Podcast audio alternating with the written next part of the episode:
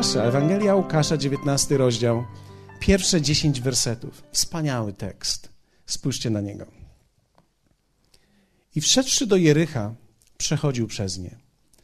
A oto mąż imieniem Zacheusz, przełożony nad celnikami, człowiek bogaty, pragnął widzieć Jezusa, kto to jest, lecz nie mógł z powodu tłumu, gdyż był małego wzrostu.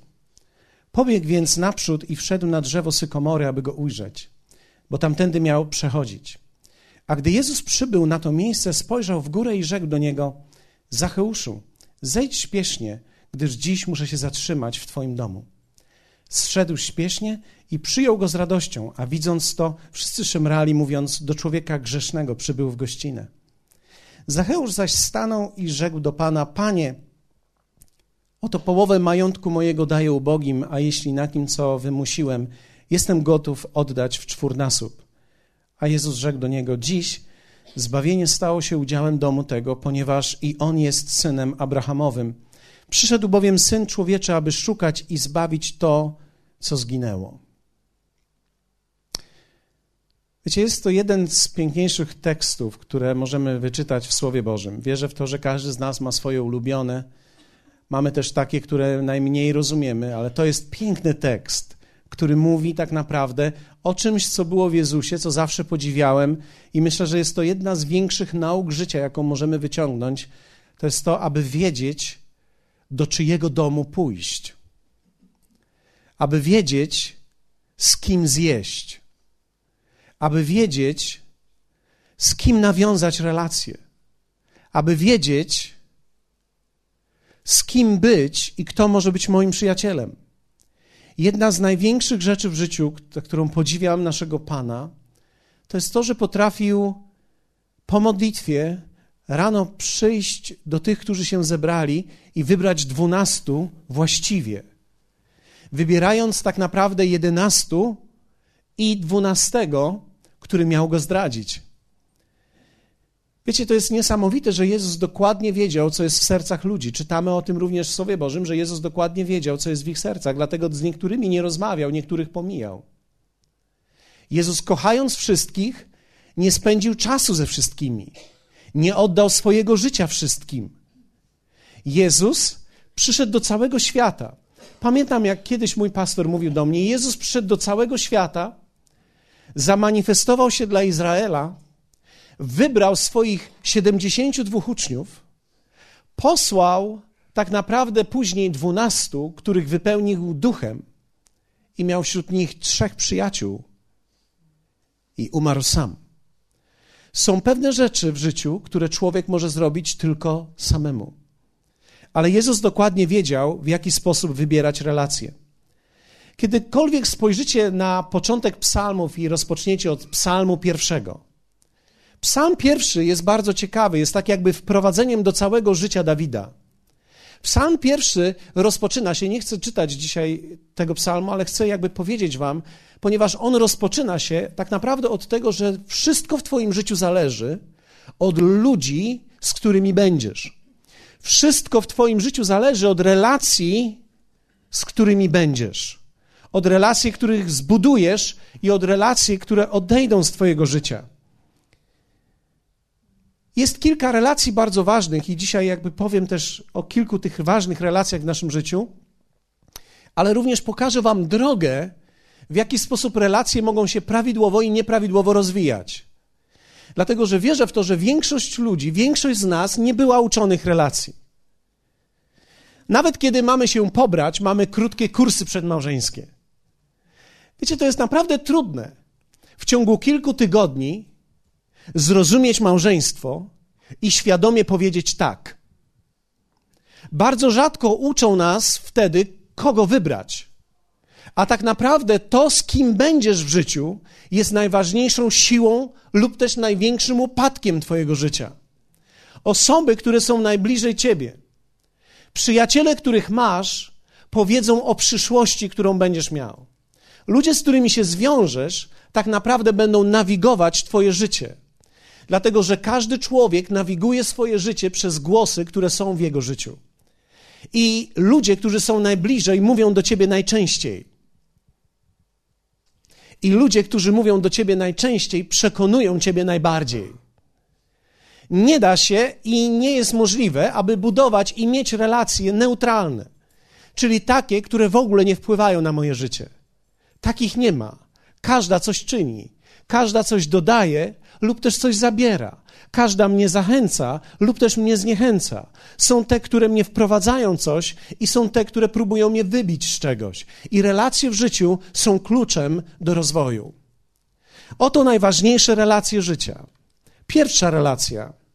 Wiecie, będę miał sporo punktów, będą się pojawiały na tablicy na naszych ekranach, więc mam nadzieję, że będziecie razem ze mną dzisiaj, bo potrzebuję Waszej uwagi, abyśmy wspólnie razem przez to przeszli, gdyż na końcu chciałbym, abyśmy podjęli decyzję o tym, że będziemy budowali nasze życie w oparciu o relacje, które Bóg nam daje i że będziemy w tych relacjach nawigować je prawidłowo, zgodnie ze Słowem Bożym. Dlatego, że może się zdarzyć, i bardzo często się zdarza, że Bóg daje ci dobrą relację, ale nieprawidłowo rozwijając ją, możemy ją zniszczyć. Jest wiele dobrych małżeństw, które gdyby tylko ktoś dał im narzędzia, jak zmienić to, co w nich było, mogłyby być szczęśliwe. Jest wiele dobrych przyjaźni, które się zerwało z powodu tak naprawdę niepotrzebnych, niewłaściwych, krótkich momentów, złych słów, które padły, bądź też braku przebaczenia w danym momencie. Jest wiele rzeczy, które tak naprawdę jest niszczonych, dobrych rzeczy. I ja wierzę w to, że Bóg chce, abyśmy uniknęli tego, tak jak tylko to jest możliwe. Nie sądzę, że jesteśmy w stanie uniknąć wszystko, ale jesteśmy w stanie nawigować swoim życiem i relacjami, które Bóg nam daje, tak, abyśmy mogli je lepiej rozwijać i abyśmy mogli dodać je i aby one tworzyły w naszym życiu coś owocnego i dobrego. Najważniejsze relacje. Pierwsza, relacja z Bogiem. To jest najważniejsza relacja. Ona ma swój początek i ona musi się rozwijać właściwie. Wiecie, większość ludzi ma stosunek do Boga, ale niewielu ludzi ma relację z Bogiem. Można mieć stosunek do kogoś i nie mieć relacji z nim. Tak też w Polsce ludzie określają swoją wiarę w Boga. Mówią: Ja wierzę w Boga, ponieważ mają stosunek do Boga. Tymczasem wiara jest działaniem i budowaniem relacji. Jest niemożliwe, żeby człowiek w coś wierzył i nie podążał za tym aktywnie. Więc my określamy często coś wiarą i mówimy: Tak, wierzę w Boga, ale jestem niepraktykujący. Wiecie, to wyklucza się. To jest niemożliwe, aby człowiek coś naprawdę wierzył i nie praktykował tego, w co wierzy. Jeśli człowiek mówi, że wierzy i tego nie praktykuje, tak naprawdę źle definiuje wiarę. Tak naprawdę jego wiara jest może pozytywnym stosunkiem do Boga, ale nie jest relacją z Bogiem. Dlatego, że prawdziwa relacja wymaga aktywności. Jest niemożliwe, aby człowiek miał żonę i z nią nie był przez całe życie. Wierzę w żonę, tylko że nie jestem z nią. Większość żon powiedziałaby: Tak nie chcę. Chcę, abyś był. Nie mówię, że wszystkie, nie mówię, że ty. Mówię, że większość chciałaby, żeby ich mąż był z nimi. Nie wystarczy tylko, że ja wierzę w naszą relację, jest ważne, żebym był w naszej relacji. Żebym był i żebyśmy ją wspólnie razem budowali. Dlatego, że dobra relacja nie jest nigdy wynikiem przypadku, ani nie jest nigdy wynikiem dobrego ułożenia się. Jest wiele małżeństw, które są ze sobą i nie mają dobrej relacji. To, że ktoś jest ze sobą i śpi ze sobą, wcale nie oznacza, że ma dobrą relację. To oznacza, że wytrzymali do dzisiaj. Ale wiecie, nie chodzi o to, żebyśmy w życiu wytrzymali do końca. Chodzi o to, abyśmy zbudowali, aby nasza relacja była owocna. I nie tylko owocna w kontekście materii, czyli posiadania dzieci, ale aby to, co nas łączy, przejawiało o wiele więcej aspektów niż tylko i wyłącznie ten fizyczny. Więc kiedy mówimy o relacji z Bogiem, nie mówimy o stosunku do Boga, mówimy o prawdziwej relacji, którą ma tak naprawdę niewielu ludzi. Dlatego, że każda relacja ma swój początek i to będzie najważniejsza relacja Twojego życia. W zeszłym tygodniu po spotkaniu, kiedy tutaj modliłem się o ludzi, Jeden młody człowiek wyszedł do przodu, ponieważ chciał relacji z Bogiem i tego dnia oddał swoje życie Jezusowi. I wiecie, w zeszłą niedzielę całe niebo świętowało, ponieważ jeden człowiek przyszedł do Jezusa i nie miał tylko stosunku do Niego, ale nawiązał relację z Nim. Nawiązał w prawidłowy sposób relację z Jezusem. To jest wspaniałe. Więc pierwsze, relacja z Bogiem. Drugie, najważniejsza relacja w Twoim życiu to jest relacja małżeńska. Nawet jeśli jesteś sam, sama, i to jest Twój wybór, to Biblia mówi, że Jezus jest Twoim małżonkiem. To oznacza, że Bóg jest w tej relacji i wypełnia to miejsce. Ale druga najważniejsza relacja w życiu Twoim to będzie relacja małżeńska. Niektórzy pytają, co tak naprawdę gwarantuje, że relacja jest dobra? Właściwa osoba, którą wybierzesz. To jest tak ważne, aby wybrać właściwą osobę. Wielu z nas, gdy przychodzimy tutaj do kościoła, my już mamy związki, bądź też już ich nie mamy. Ale mówię teraz do tych, którzy jeszcze nie mają. Módl się i szukaj Pana, kto będzie właściwą osobą dla ciebie, dlatego że tak naprawdę właściwa osoba to klucz do zwycięstwa w życiu. Szczególnie mówię to do młodych.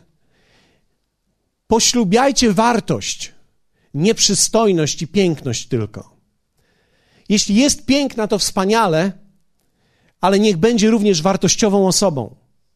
I kiedy poślubiasz faceta i szukasz mężczyzny, szukaj kogoś, kto ma wartość i szlachetność, nie tylko i wyłącznie, że jest przystojny i jest jak żurnala, bo to jest za mało. Ja nie chcę powiedzieć, że to jest złe, to jest dobre, ale to jest za mało. Potrzebujesz osoby, która jest wartościowa. To jest jedna z najważniejszych decyzji w życiu. Od tej relacji tak naprawdę zależy dobro całego Twojego życia. Człowiek, wiecie, my mamy chwilę tutaj. Za 25 minut nikogo z nas tutaj nie będzie, w tym miejscu, większości z nas. Wracamy do naszych domów. Szczęście człowieka to jest tak naprawdę do kogo wracasz. Zależy od tego, do kogo wracasz, gdzie wracasz. I wierzę w to, że Bóg pragnie, aby nasze domy, aby nasze rodziny i aby nasze małżeństwa były to miejsca owocne. A więc druga relacja, najważniejsza, to relacja małżeńska. Trzecia, relacja z kościołem lokalnym. Twoja relacja względem kościoła. Kościół lokalny to jest więcej niż parafia.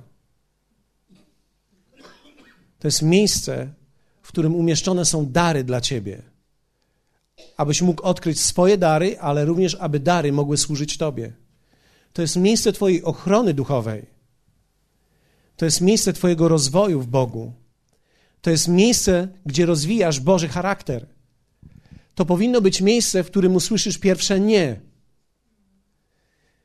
I ktoś ci pomoże wtedy, gdy usłyszysz to nie i źle zareagujesz.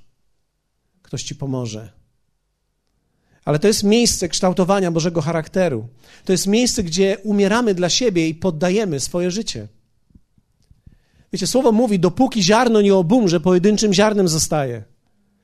Tak naprawdę w Twoim życiu chodzi o to, abyś nie został pojedynczym ziarnem, ale abyś wszedł we właściwą ziemię, abyś właściwie obumarł i abyś wydał prawidłowy plon. I to jest miejsce kościoła lokalnego, to jest bardzo ważne miejsce. Ja wierzę w kościół lokalny. Im dłużej jestem pastorem, tym bardziej w to wierzę. Nie dlatego, że to przynosi korzyść mi, ale widzę, jak wielkie korzyści są dla tych, którzy rozumieją ciało i chcą w nim być i są połączeni. Jak niesamowici stają się ci ludzie, którzy rozumieją wagę kościoła lokalnego. Czwarta relacja to jest relacja braterska. To relacja, w której uczymy się jedności mimo różnic. To jest relacja, w której ty tak naprawdę łączysz się z drugim człowiekiem i uczysz się iść z nim, pomimo tego, że jesteście innymi ludźmi. To jest relacja, która wymaga właściwego kompromisu dla wspólnego dobra.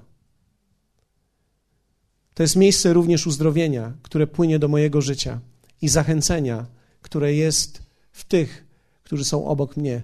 Wiecie, bracia, często w słowie czytamy, kiedy patrzymy, jak apostoł Paweł został ukamieniowany, Biblia mówi, że otoczyli go bracia. i uzdrowienie popłynęło do niego. Braterstwo jest najwyższą formą bycia ze sobą. My rośniemy ku braterstwu. Braterstwo to jest umiejętność rozpoznania Chrystusa w drugim człowieku i połączenia się z drugim człowiekiem dla wspólnego dobra. Uczymy się tej relacji braterskiej i tu nie jest kwestia płci, więc kobiety również powiedzą amen na to. Jesteście ze mną? I piąta relacja to jest relacja partnerska. I ja nie mówię tutaj o związkach partnerskich. Mówię o relacji partnerskiej. To jest relacja, która sprawia wspólne dążenie do jednego celu. To mogą być też relacje biznesowe, gdzie wspólnie razem pracujecie ku wspólnemu celowi. Partnerstwo jest ważną relacją życia. Jak wielu z Was wie o tym, że bardzo dużo zależy od tego, z kim pracujesz? Gdy idziesz do pracy, co czujesz, gdy idziesz do pracy? Kto jest z Tobą tam? Jakich masz współpracowników jest bardzo istotne. Z kim jesteś w spółce jest bardzo ważne. Pozwólcie, że podam kilka ważnych rzeczy i ważnych myśli dla tych, którzy pracują z kimś. Współpracuj z jakością, a nie z wyznaniem. Czasami niektórzy zatrudniają chrześcijaństwo, a nie jakość. Pozwólcie, że powiem kilka słów. Mogą być one twarde i trudne, ale wierzę w to, że one ratują życie. Niektórzy mnie z tego powodu nie polubią, ale ci, którzy pracują i coś robią w życiu, wiedzą, że tak jest. Wierzący ludzie są wspaniali, ale w dalszym ciągu to są ludzie. Jest wielu wierzących przychodzących do Chrystusa, którzy kłamią. Są w tym doskonali którzy kradną jeszcze. Jesteście ze mną? Ktoś może powiedzieć, ale jeśli człowiek jest chrześcijaninem, nie powinien tego robić. Prawdopodobnie nie będzie, gdy będzie się rozwijał. Ale kiedy on przyszedł do Jezusa, on prawdopodobnie ma wartość, bo Bóg mówi, że każdy człowiek ma wartość, ale nie każdy człowiek ma jakość. Współpracuj z człowiekiem, który ma jakość, a nie z człowiekiem, który ma wartość. Dlatego, że gdy zatrudnisz wartość, będziesz musiał poradzić sobie z jakością albo jej brakiem. Kiedy chcesz komuś pomóc, jeśli widzisz brata, który jest w kościele i jest w potrzebie i, i, potrzebuje pracy i potrzebuje e, różnych rzeczy, podejdź do niego i daj mu tysiąc złotych. Ja celowo wybrałem tą kwotę.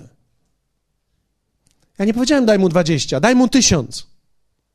Ktoś może powiedzieć, tysiąc złotych to jest za dużo, żeby mu dać tysiąc złotych. To jest, to jest najmniejsza kwota, którą stracisz, gdy go zatrudnisz.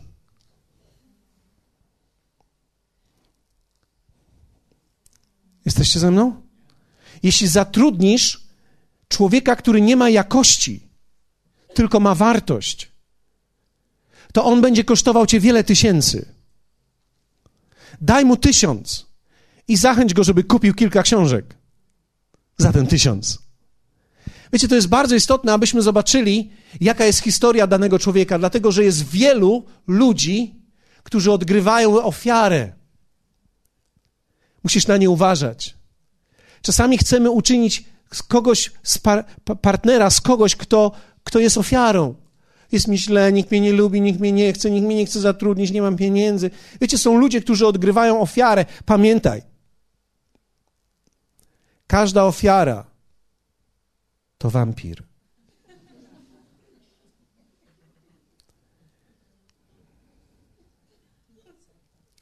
Ludzie, którzy odgrywają ofiarę,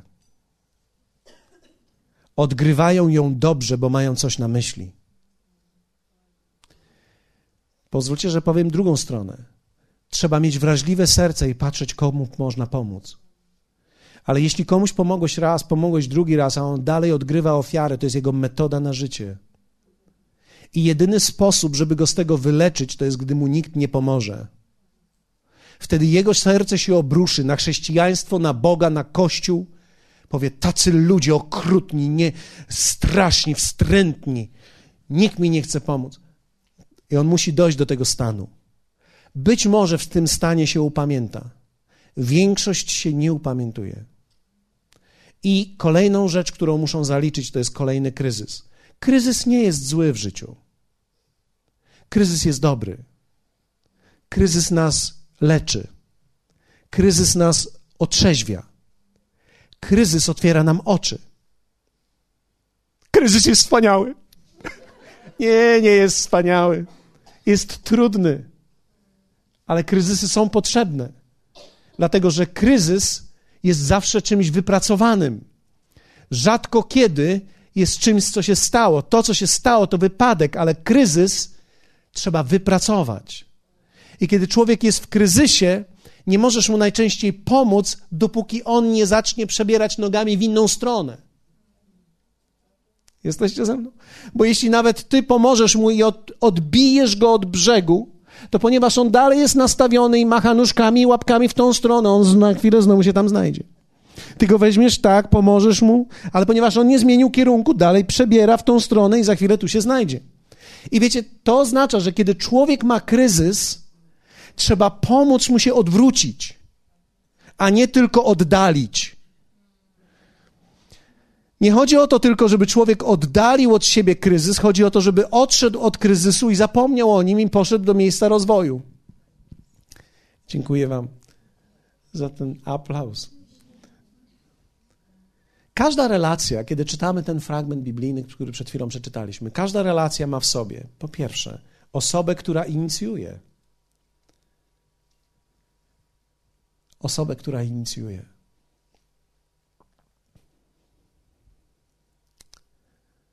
Jezus zainicjował tą relację, ktoś może powiedzieć. Nie, Jezus odpowiedział tylko na pragnienie, które było zainicjowane wcześniej. Mniejszy zawsze inicjuje relację z większym, nie odwrotnie. Jest wielu ludzi bezradnych w życiu, którzy siedzą i mówią: Nikt mnie nie zauważa. Widzisz, Nikt cię nie zauważy. Ty musisz zauważyć. To nie ktoś ma otworzyć oczy na ciebie, to ty otwórz oczy na ludzi. To ty musisz zainicjować, zobaczyć, kto z ludzi wokół ciebie, którzy przechodzą, ma sens. Zacheusz był tym, który słyszał o Jezusie i zainicjował tą relację. Jak? Wszedł na drzewo. On był mały, wszedł na drzewo. I Jezus go zobaczył, był tak blisko niego, wszedł na drzewo i Jezus mówi: Zacheuszu, zejdź. U ciebie się zatrzymam. A więc każda relacja ma w sobie osobę, która inicjuje.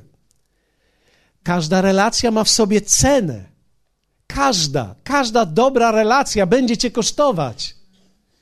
Każda ma wysiłek, ma koszt. Mieć gości to koszt. Niektórzy mówią, to lepiej nie mieć gości. Tak, lepiej jest od razu się położyć w trumnie. Lepiej jest od razu przestać żyć. Ależ nie.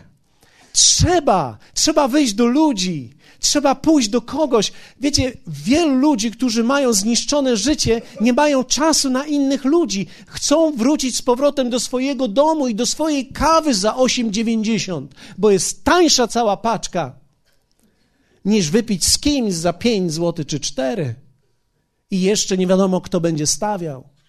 Tylko widzisz, Twoje 4 czy 5 złoty to Twoja przyszłość. A Twoje 8,90 za 225 gram, kupione same i odmierzone dla samego siebie, jest Twoją czarną kawą w miejscu Twojej niewoli.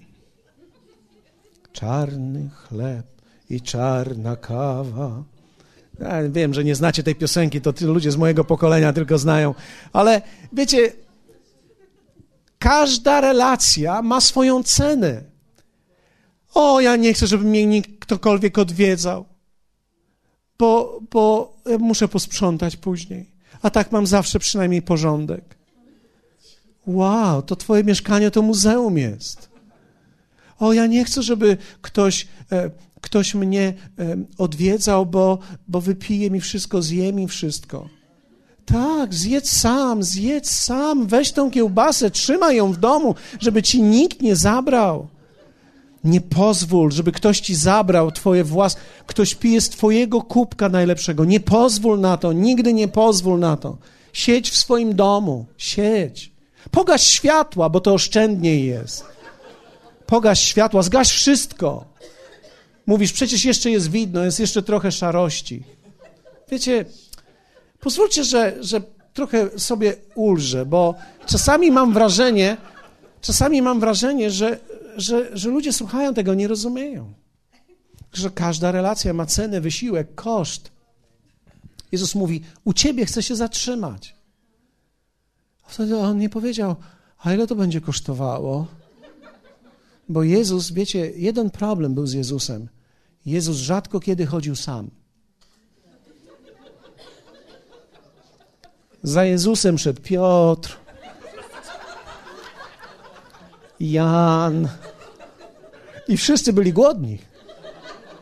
Więc kiedy Jezus powiedział do niego: Przyjdę do ciebie, oznaczało jedno: On przyjdzie ze wszystkimi. On i oni wszyscy. Też można powiedzieć: No dobrze, ale trafiło na bogatego. Można trafić na bogatego i skąpego. Siedzi i swoje setki pielęgnuje w szafie pod e, pościelką. I to jest szczęście niepojęte. Każda relacja ma cenę, wysiłek, koszt. Ja czasami się zastanawiam, ktoś sobie przyjdzie, kupi sobie kawę, usiądzie, sami siedzi. Myślę sobie, hmm, no niech skorzysta, bo ciepło jest tutaj. Przecież lepiej to pić tu niż na, na dworcu albo gdzieś na Orlenie stanąć na zewnątrz. Ale czasami, czasami, wiecie, musimy to dobrze zobaczyć, czasami jesteśmy trzy złote od szczęścia i od zmiany życia. Każda relacja ma oczekiwania. Czyli za każdym razem, kiedy widzę kogoś i chcę z kimś porozmawiać, ja oczekuję czegoś miłego, czegoś wspaniałego. Nie zawsze tak jest ale w każdej relacji podchodzimy do oczeki z oczekiwaniem. Czyli nawet kiedy chcemy z kimś wypić kawę, planujemy, że będziemy mieli fajną rozmowę, bogatą rozmowę, dobrą rozmowę. Więc kiedy siadamy z kimś, mamy oczekiwania w tej relacji. I Zacheusz również miał oczekiwania, i Jezus miał oczekiwania. Ale każda relacja też ma, kolejna rzecz, rozczarowanie. Każda. Małżeńska również.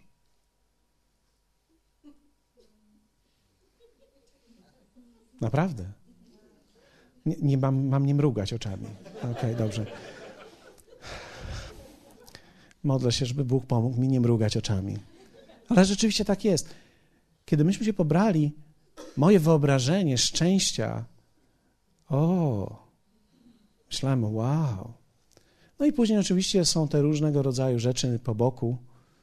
I tak człowiek myśli sobie, no, hmm, nie wszystko złoto, co się świeci. I, I, człowiek zaczyna wtedy sobie przypominać te wszystkie inne rzeczy. I, i, I to piękno, i to szczęście. Każda relacja ma rozczarowanie. Kiedy patrzysz na relacje i te, które nawet wymieniłem, Twoja relacja z Bogiem będzie miała rozczarowanie. O, jak to Bogiem się nie można rozczarować. Rozczarujesz się. Nie dlatego, że Bóg cię rozczaruje, tylko dlatego, że Twoje oczekiwania są niewłaściwe. Nie znasz słowa, nie znasz wszystkiego, nie wiesz, jak on zadziała. Więc ty myślisz, pewnie Pan zadziała tak. Pewnie teraz ja jestem w kryzysie, naprawdę już nic nie mam, jest mi ciężko, jest mi źle i teraz Pan na, na pewno mnie pocieszy. Cisza. Mija parę dni, nie pocieszył cię Pan. Nie jest lepiej, jest gorzej. I zaczynasz denerwować się i być rozczarowanym. No zaraz, przecież Twoje słowo mówi, miałeś mi pomóc. No i co? Gdzieś był. Każda relacja ma rozczarowanie, nawet relacja z kościołem lokalnym ma, ma rozczarowanie. E, wiecie, to zajmuje jakieś cztery lata, żeby się wkleić w kościół, a po siedmiu człowiek zaczyna żądać rzeczy. Mówić, ja bym chciał, żeby tak było, ja bym chciał rządzić. Ja bym chciał zrobić to. Każda relacja ma oczekiwania i nawet kościół lokalny rozczaruje cię. Czy to jest złe? Nie. Zachęcę cię. Sam siebie rozczarowujesz również. Ktoś z Was siebie rozczarował? Myślałeś, że będziesz taki, a nie jesteś taki? Powiedziałeś sobie, już nie zjem cukru więcej, nie zjem. I robisz tak jak większość ludzi, a tylko ten ostatni raz. No i jak zjadłeś ten ostatni raz, ja rozumiem, że to żaden problem, tylko czujesz w sobie, hmm, jednak nie masz charakteru. Nie masz jednak. Jednak nie masz. Rozczarowałaś się sobą. Można rozczarować się sobą na mało albo na dużo. Czasami rozmawiamy i wydaje nam się, że ojejku, jacy już nie powinniśmy być po 20 latach. Powinniśmy poruszać góry, już przesunąć Chełmską bardziej w drugą stronę, oddalić ją od koszalina. Czasem ona nie maleje, ona rośnie. To tylko taki mały przykład. Rozczarowani. Ale też każda relacja ma owoce. Każda relacja coś tworzy. Każda relacja ma w sobie nagrodę. Bóg mówi: I wynagradza tych, którzy mnie szukają. Bóg w relacji ma nagrodę dla nas. I każda relacja ma w sobie pewien owoc. Więc teraz spójrzmy na to, jak prowadzić relacje w prawidłowy sposób i jak prowadzimy czasami w nieprawidłowy sposób, co powoduje zniszczenie. Dzisiaj moja modlitwa jest taka, abyś przyglądając się temu, analizował swoje relacje i abyś wewnątrz siebie podjął decyzję, że pójdziesz dobrą do drogą. Dobrą drogą. Bo można pójść dobrą drogą i można pójść złą drogą. I można zniszczyć dobre relacje. I można zniszczyć dobre relacje, które Bóg przygotował dla mnie. Sam tego doświadczyłem, widziałem to i widzę, jak wielu ludzi niszczy czasami dobre relacje. I modlę się, żebyś to nie był ty. Spójrzcie, droga rozwoju relacji prawidłowa. Pierwsza to jest atrakcja. Każda relacja zaczyna się od tego, że coś jest atrakcyjne w kimś, w czymś. Więc ja patrzę na kogoś albo przyglądam się komuś i myślę sobie, o, ciekawi ludzie. Ciekawy Kościół? Bóg jest ciekawy. Nawiązuje relacje z powodu tego, że ktoś lub coś jest dla mnie atrakcyjne. W prawidłowej relacji, gdy się przybliżam do niej, druga rzecz, która jest właściwa, to jest szacunek. Prawie zawsze w tym miejscu zaczynamy. Nie wszyscy, ale prawie zawsze ludzie zaczynają od wyrażania szacunku, bo nie wiemy, co się mamy spodziewać. Więc mamy szacunek, okazujemy szacunek. Słowo nas uczy, abyśmy okazywali szacunek wszystkim ludziom. Abyśmy okazywali szacunek wszystkim ludziom. Ale trzecia rzecz to jest coś, co jest istotne w relacji prawidłowo prowadzonej. To jest cześć honor, cześć. To jest, kiedy ja potrafię w drugim człowieku, w kościele, w Bogu, pomimo rzeczy, których nie rozumiem, dostrzegać coś bardzo wartościowego i cenić go za to. Cenię go za to. Wiecie, po tych dwudziestu kilku latach małżeństwa z moją żoną, ja miałem kilka rozczarowań ale ja rozpoznałem pewną wartość w niej, pewne cenne rzeczy, które są w niej, które coraz bardziej dostrzegam i wzbudzają one we mnie nie tylko szacunek, ale cześć względem niej. Jest niesamowitą kobietą, niesamowitą kobietą wiary. Jest niesamowicie spójna w środku. Nie chcę jej wywyższać, bo tak jak powiedziałem, ma swoje cienie. Ale jest coś szlachetnego w niej, co podziwiam. Kolejna rzecz to jest jedność. W momencie, kiedy człowiek rozpoznaje coś, przybliża się, tworzy jedność z tą osobą.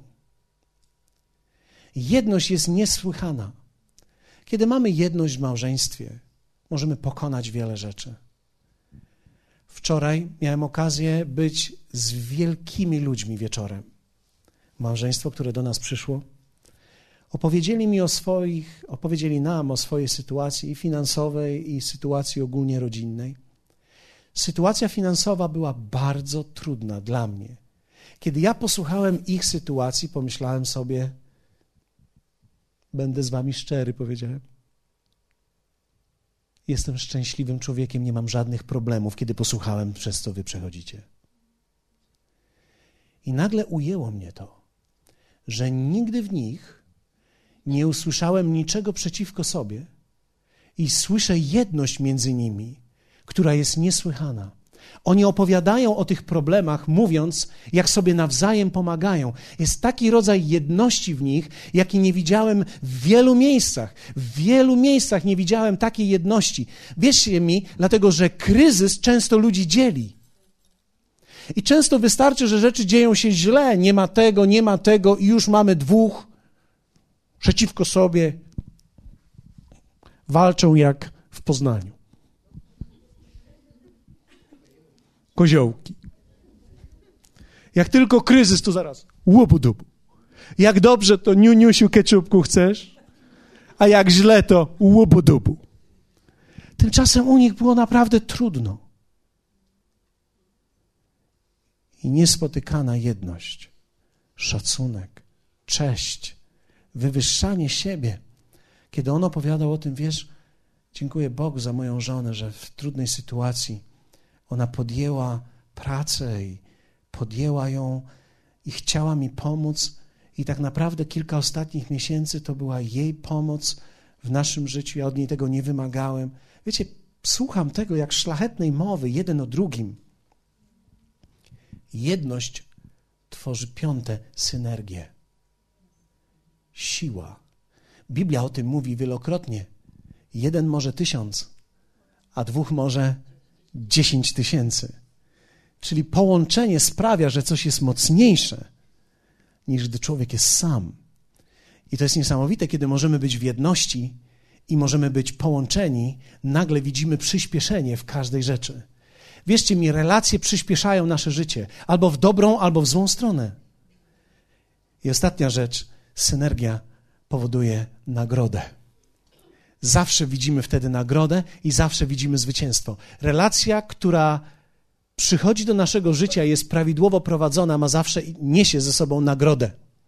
Powiedzmy razem to słowo nagroda. I mam ostatnią minutę. Spójrzcie szybko, jak, jak nieprawidłowa przychodzi. Szybciutko. Pierwsze. Zaczyna się od atrakcji. Tak, oczywiście, że tak. Jesteśmy przyciągani. Ale dalej jest spoufalenie nie ma szacunku, jest spoufalenie. Spoufalenie jest czymś bardzo trudnym, bo spoufalenie to nie jest czekanie na to, aż ktoś drugi mi coś da, ale to jest zabieranie tego bez czekania. Czyli nagle w relacji mi się już należy teraz. Gdzie moja kawa? Gdzie moja herbata? Gdzie jest obiad? Co robiłaś cały dzień? Widzisz, ja wiem, że kobieta może mieć swoje obowiązki i prawdopodobnie każda zdrowa ma. Ale to wcale nie czyni ze mnie kogoś, kto ma żądać rzeczy, które powinny być mi w życiu dane. Ja nie mogę niczego zabrać. I to, na tym polega siła niespoufalenia, że ja szukam, co mogę dać i czekam na to, co może być mi dane. Nic mi się w życiu nie należy.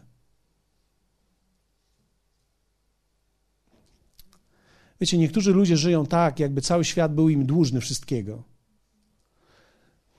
On powinien, ona powinna, Kościół powinien, rząd powinien, oni wszyscy powinni, bo ja. Wiecie, dobrze jest sobie uświadomić, że nikt nam nie jest nic dłużny. Moja żona nie jest mi nic dłużna. O, jestem już z nią dwadzieścia parę lat i ułożyłem na nią. Zaraz. Czynicie to kim w takim razie? Kimś lepszym? Czy myślisz, że jakby była z kimś innym, to by nie łożył? Może łożyłby więcej. Wiecie, dlaczego zakładasz, że łożyłby mniej? Może, może miałaby więcej. No nie wiem. No nie wiesz. Więc ona nic nie musi, wszystko może. Ludzie, którzy są niespoufaleni, zawsze dziękują. I w dobrych relacjach jest zawsze dziękuję. Może być tak, dziękuję kochanie za kaweczkę dzisiaj rano. Dziękuję. Dziękuję za śniadanko. Dziękuję. Za wszystko dziękujesz, bo nic ci się nie należy. Dziękuję, Artur, za tak wspaniałe uwielbienie dzisiaj. Całemu zespołowi dziękujemy. Też może powiedzieć, odśpiewali swoje, ja tu w końcu jestem. Naprawdę? Wow. Dziękujemy, że ktoś posprzątał tutaj. Dziękujemy, że jest czysto. Przynajmniej tu gdzieś, gdzie nie wiem jak jest, gdzie ty siedzisz, ale, ale to jest spoufalenie. Możesz stanąć przed kimś i pójść do, do kafeterii, stanąć przy kawie i dwie kawy, proszę. Ale ten człowiek, który cię obsługuje, on, on nie zarabia na tym. On chce ci służyć, uśmiechnij się do niego, podziękuj mu. Nie stój przed tym i nie powiedz, ciekawe czemu kawa jest po cztery, jak można ją zrobić za dwa. Jest prawo konkurencji. Weź, przynieś swój stolik, sprzedawaj obok za dwa.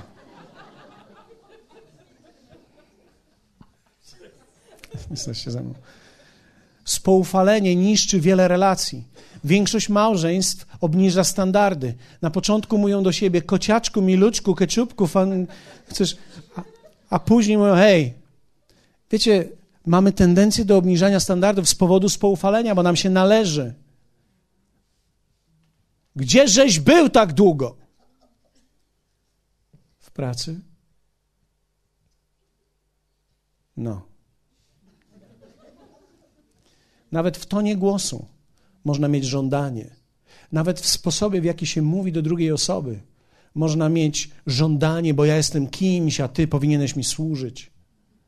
Spoufalenie prowadzi do lekceważenia.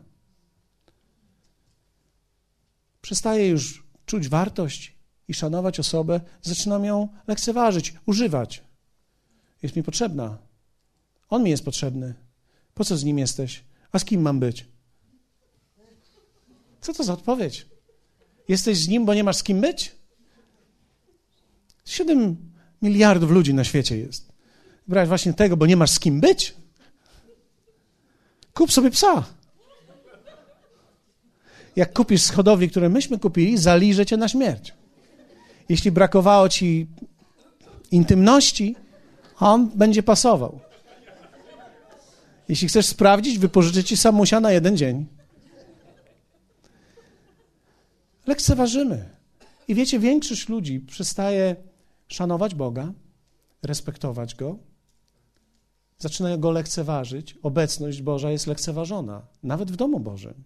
To, o czym mówiłem w czwartek, niektórzy się może poczuli dotknięci, ale widzisz, to jest tak, jeśli ty stoisz i twoje dziecko wije się na tobą jak żmijka i cię tak naprawdę w tym momencie rozprasza, to ty mówisz temu dziecku swojemu, że ono jest ważniejsze niż Twój Bóg, że możesz zrobić z Tobą co chce w każdym momencie. Zadam Ci inne pytanie. Zapraszasz swoje dziecko również do innych intymnych momentów swojego życia? Niech bierze w tym udział i ci przeszkadza? To jest jeden z najważniejszych i największych momentów. To jest kiedy ja stoję przed moim Bogiem jeśli nie potrafisz wytrzymać 10 minut, to ja cię przywiążę. Można przywiązać fizycznie, co nasz ruch tutaj feministyczny by to zrobił. Ja chyba bym pomagał, ale można też związać słowem.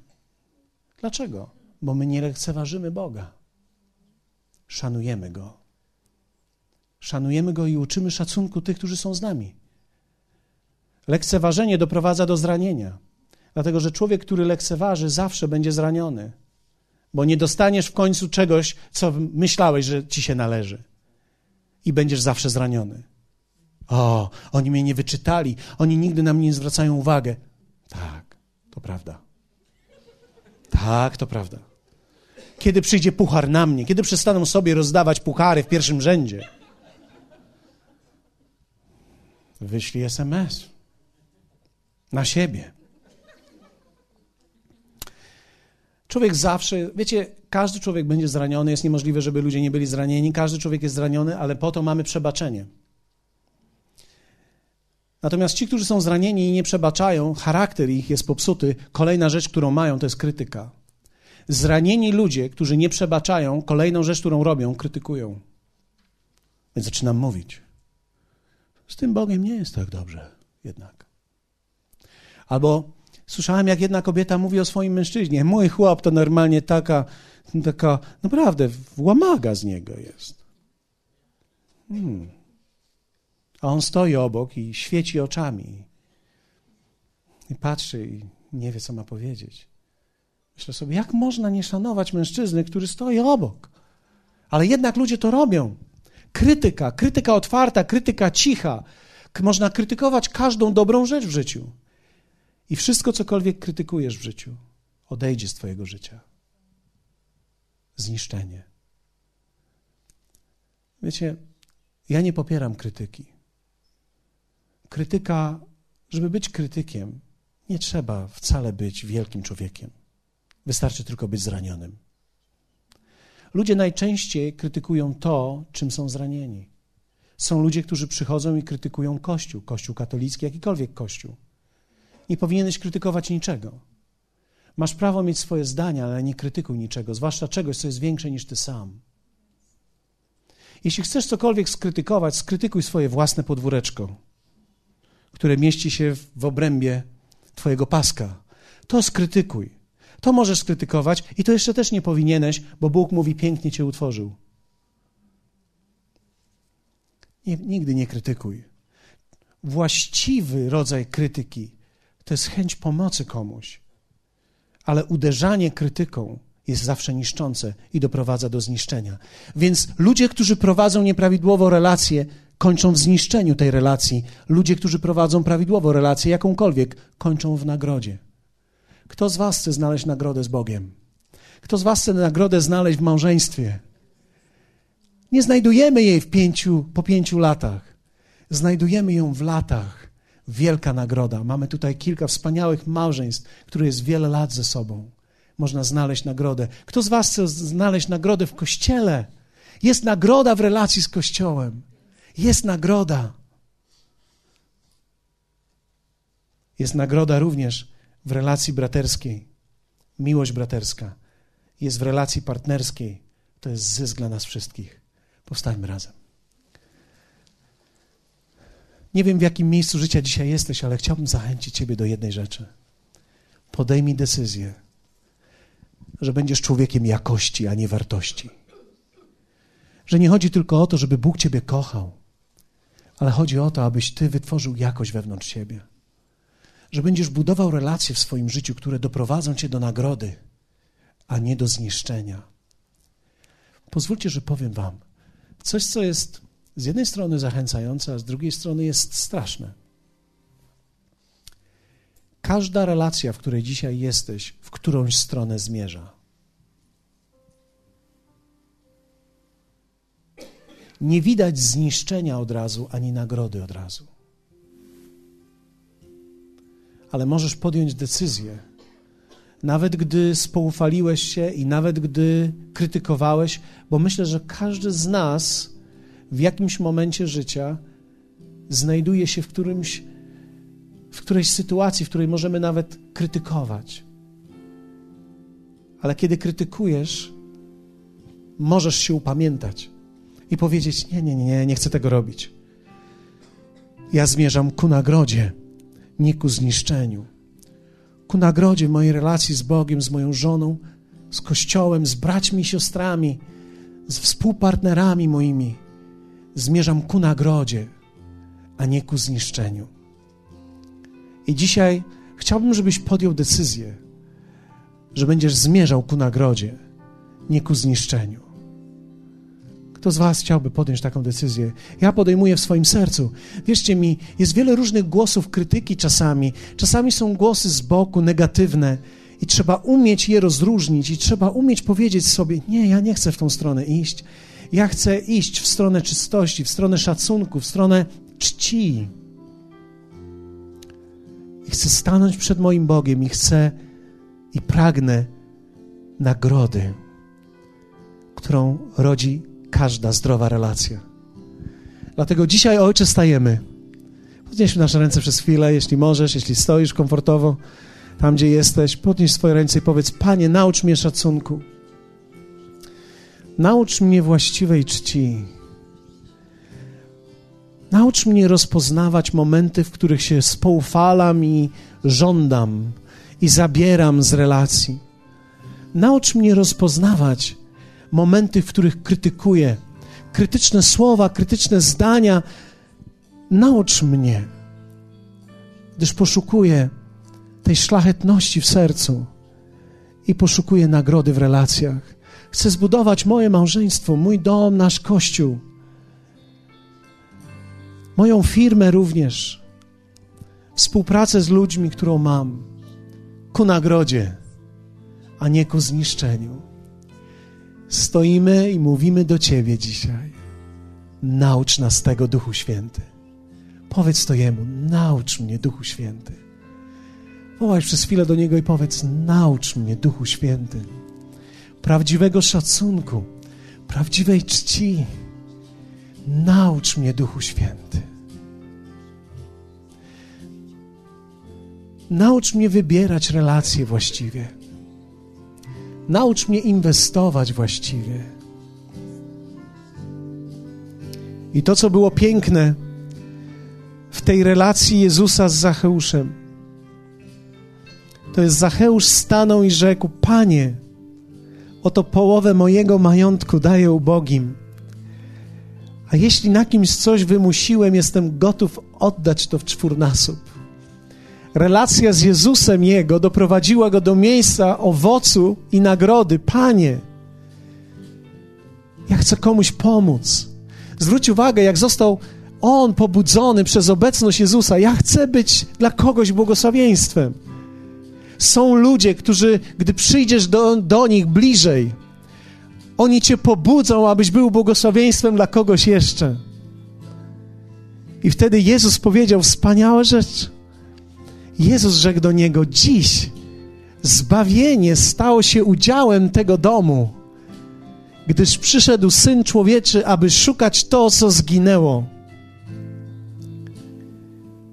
Jezus mówi: Zbawienie przyszło, nagroda z relacji przyszła, przemiana Zacheusza, przemiana niesamowicie człowieka, a Jezus również miał nagrodę, dlatego że Jezus przyszedł, aby głosić zbawienie. I nie ma nic piękniejszego dla tego, kto przychodzi ze zbawieniem, gdy widzi, że to zbawienie ma miejsce. I on mówi: Zbawienie dzisiaj stało się udziałem tego domu. Jest nagroda dla dwóch stron zawsze. Nie ma relacji Bożej, która by nie przyniosła nagrody dla obu. Obu stron, obie strony są błogosławione. Bóg nigdy nie chciał, aby ktoś był wykorzystany. Bóg zawsze chciał, aby obie strony relacji były w górze i aby obie szły do góry. Dlatego dzisiaj mówimy do Niego: Panie, naucz nas.